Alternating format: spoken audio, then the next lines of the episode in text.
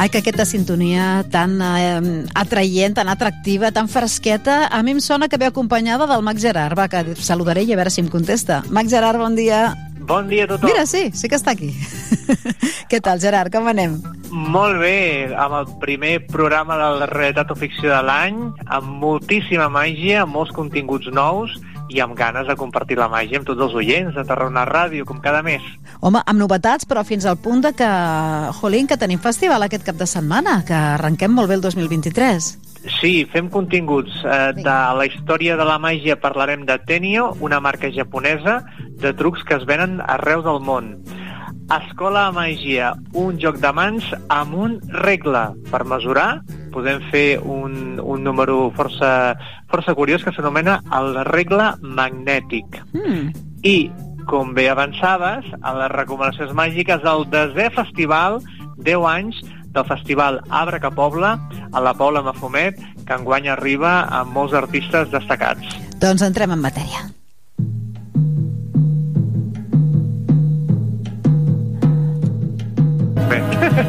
Misteriosa aquesta música, eh, Sí, Gerard? misteriosa. Sí. És, és, és d'una pel·li de Disney que sé que hagin d'aparèixer coses. M'agrada, Sí? m'agrada, Sí, sí. m'agrada. Ah, què, què dius? Que avui no parlem d'un Mac en concret, eh, sinó No, que parlem avui- d'una marca. D'una marca que fabrica jocs. Abans que res, com sempre, eh, dir-vos aquest, espai, aquest espai el fem conjuntament amb el mag Daniel Arbonés.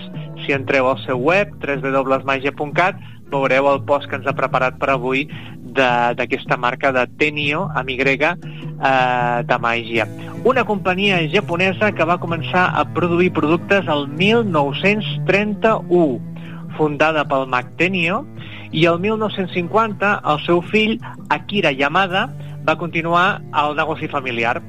Característiques d'aquests trucs de màgia de Tenio. Són jocs fàcils de fer. Això vol dir que tothom, sense habilitat prèvia, els pot dur a terme, els pot fer. Uh, molts d'ells amb estètica plàstic. Seria com, el, com els jocs de màgia borràs, eh? Sí. Mai- en plàstic i també en cartró. El més curiós és que mm, en aquests jocs hi ha nous conceptes amb la màgia o millores de tècniques clàssiques. És a dir, als mags ens interessen molt aquests jocs perquè descobrim maneres noves de fer màgia, no? I, com us comentava abans, eren jocs tipus màgia borràs, però molt més espectaculars. Aquests els veus i et quedes de pasta moniato. És igual que siguis un profà en la matèria com un mag professional i també tenen el seu valor econòmic perquè un joc d'aquests és igual o més car que una caixa de màgia borràs. Per tant, hi ha packs, eh? Tenen packs de- d'això, en què hi van diferents jocs. No sé si no, és una... eh, co- va, va, individuals. Ah, és a dir, val, tu val. compres un joc individual, però la, el símil que feia, la similitud, Sí. és que un d'aquests jocs Ah. equival a una caixa de màgia borràs o una mica més car, Val, el joc aquest. ara ho entenc. Sí, sí. Els mags els eh, compren? O sigui, eh, produeixen, venen a nivell professional o també per a nivell amateur, per casa? Sí, és a dir, eh, de mags hi ha de dos, de dos tipus, no? els mags professionals, que, que viuen d'això, i els mags aficionats, que només fan jocs doncs, per la seva família, etc. No?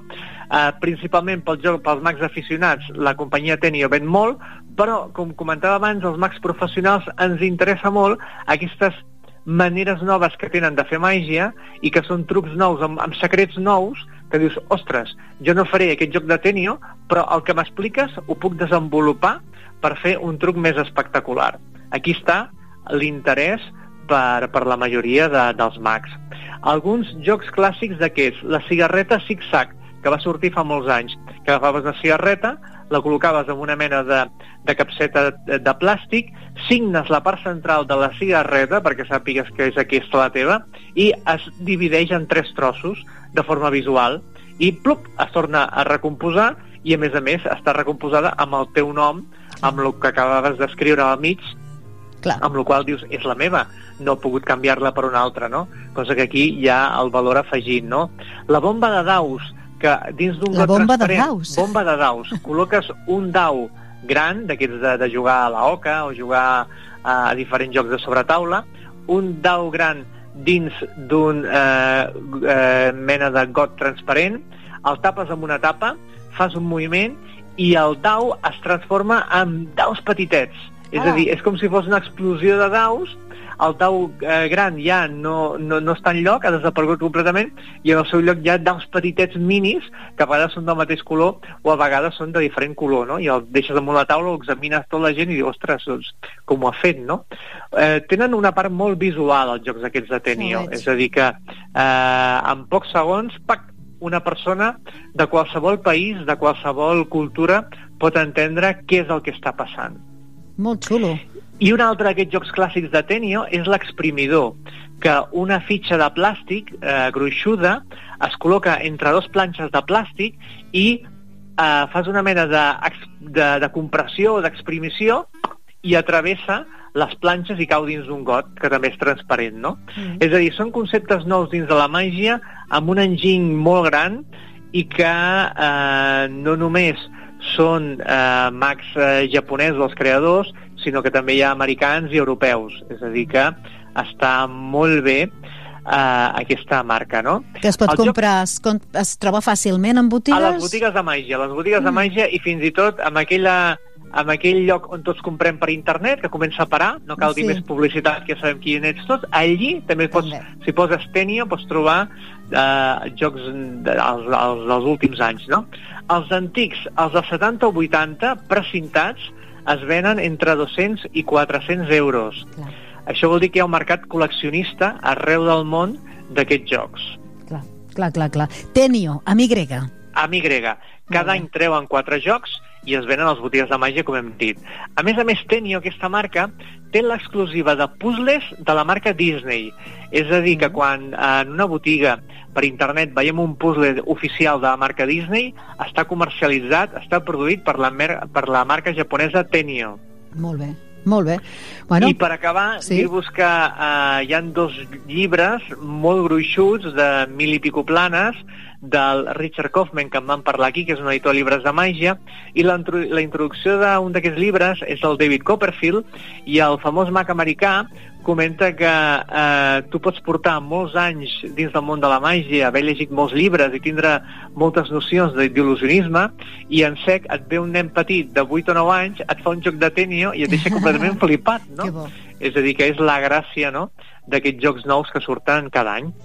Doncs avui hem conegut dins la història de la màgia la història d'una marca, una marca que per sort encara funciona, la marca japonesa Tenio. Seguim endavant i jo ja tinc un regle preparat. Doncs som-hi. Amb l'escola de màgia, el regle magnètic. Sí. Si sou de les persones que us agrada controlar el temps, aquest joc de ben segur us agradarà.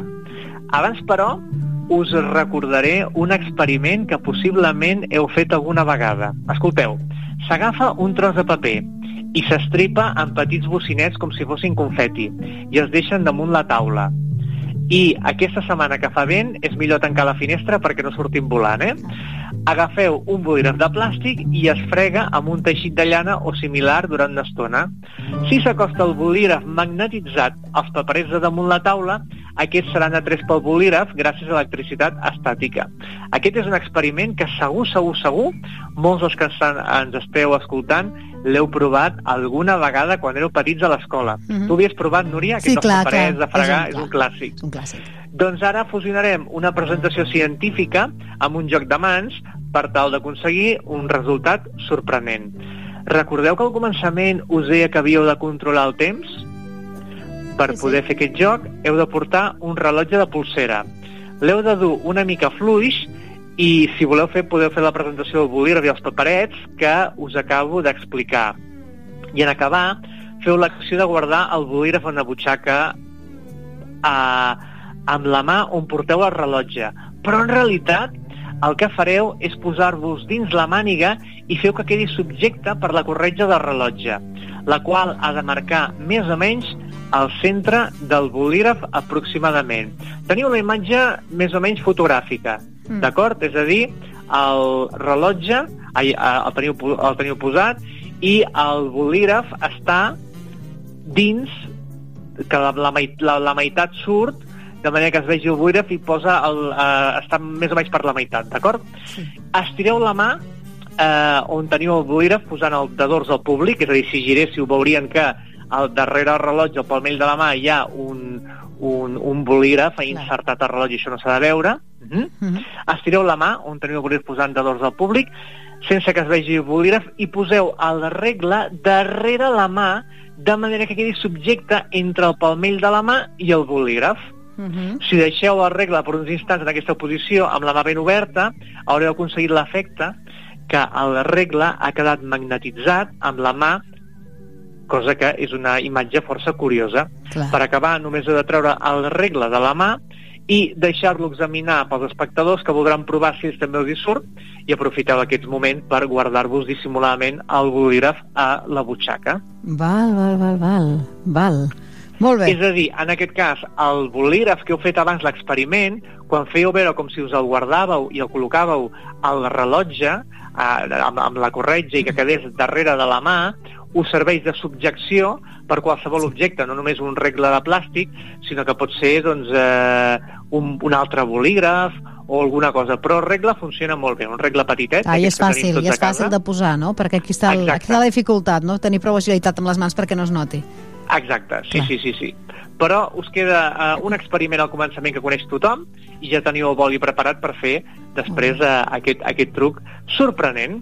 Molt bé, doncs aquest és el truc que ens recomana, però de trucs molt més elaborats, però molt, molt, molt, molt més, eh, i més il·lusions en veurem aquest cap de setmana. Ben a propet, anem de festival al Festival Abra que Pobla, a la Pobla Mafumet, aquí mateix, per gaudir aquest divendres 20, el dissabte 21 i el diumenge 22.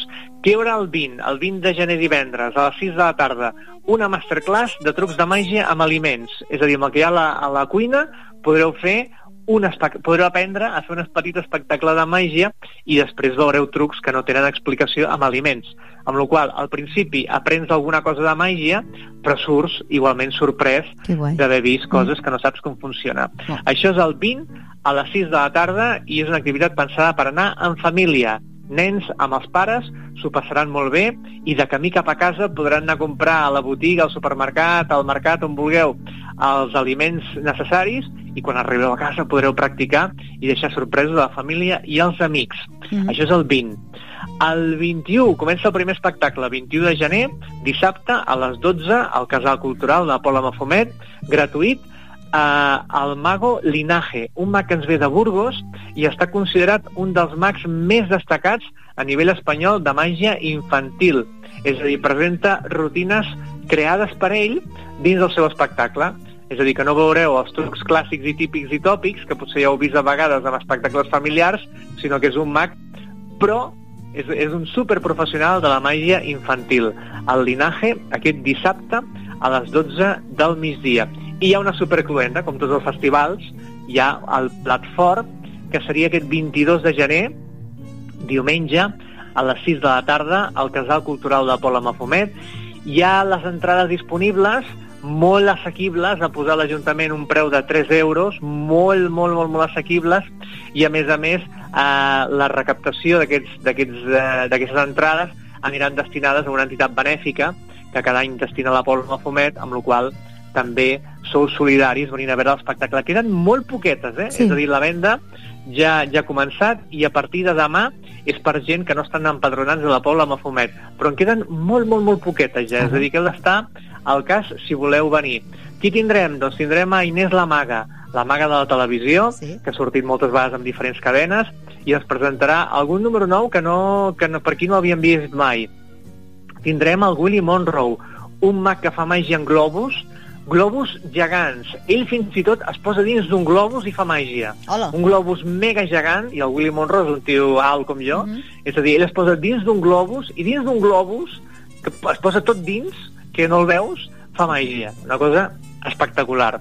Tindrem a la companyia del Mago Marín, que fan grans il·lusions, espectacles tipus Las Vegas, els podrem veure a, a la Pola Mafumet, L'Àlvaro Cortés, un mag molt jove però que ha guanyat molts premis, és Premi Nacional de Màgia, amb això ja està tot dit, mm. amb un número de màgia teatralitzada que fusiona la màgia clàssica i la moderna.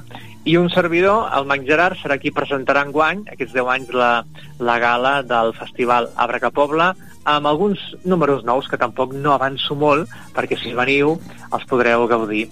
Molt bé. Molt bé, doncs tot això passarà a la Pobla de Mafumet, a la Braca Pobla, 10 anys, per això van que volen les entrades, eh? I tant, i tant. Les dues primeres són gratuïtes i l'aforament és limitat, que podeu venir tant a la masterclass de màgia aliments el divendres a les 6 de la tarda, com el dissabte a les 12 del migdia, una hora perfecta per vindre acompanyat dels nens i després de fer la, la, la compra el dissabte per la setmana o el que heu de fer pel cap de setmana, 12 a 1 podeu gaudir gratuïtament de la màgia del teatre. Molt bé. Doncs així tanquem aquesta realitat o ficció del mes de gener. Molt bé. Max Gerard, moltes gràcies. Acaba de passar el, bon mes. El primer de l'any sí? i ens trobarem el mes de febrer amb moltíssima, moltíssima més màgia. Tornem a parlar. Gerard, Max Gerard, una abraçada forta. Fins aviat.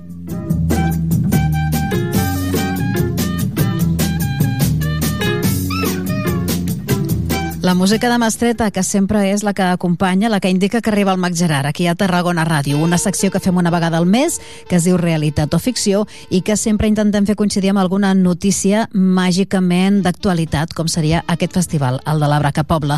Uh, res, nosaltres ho deixem aquí, falta un minutet i mig per arribar a dos quarts d'una i que...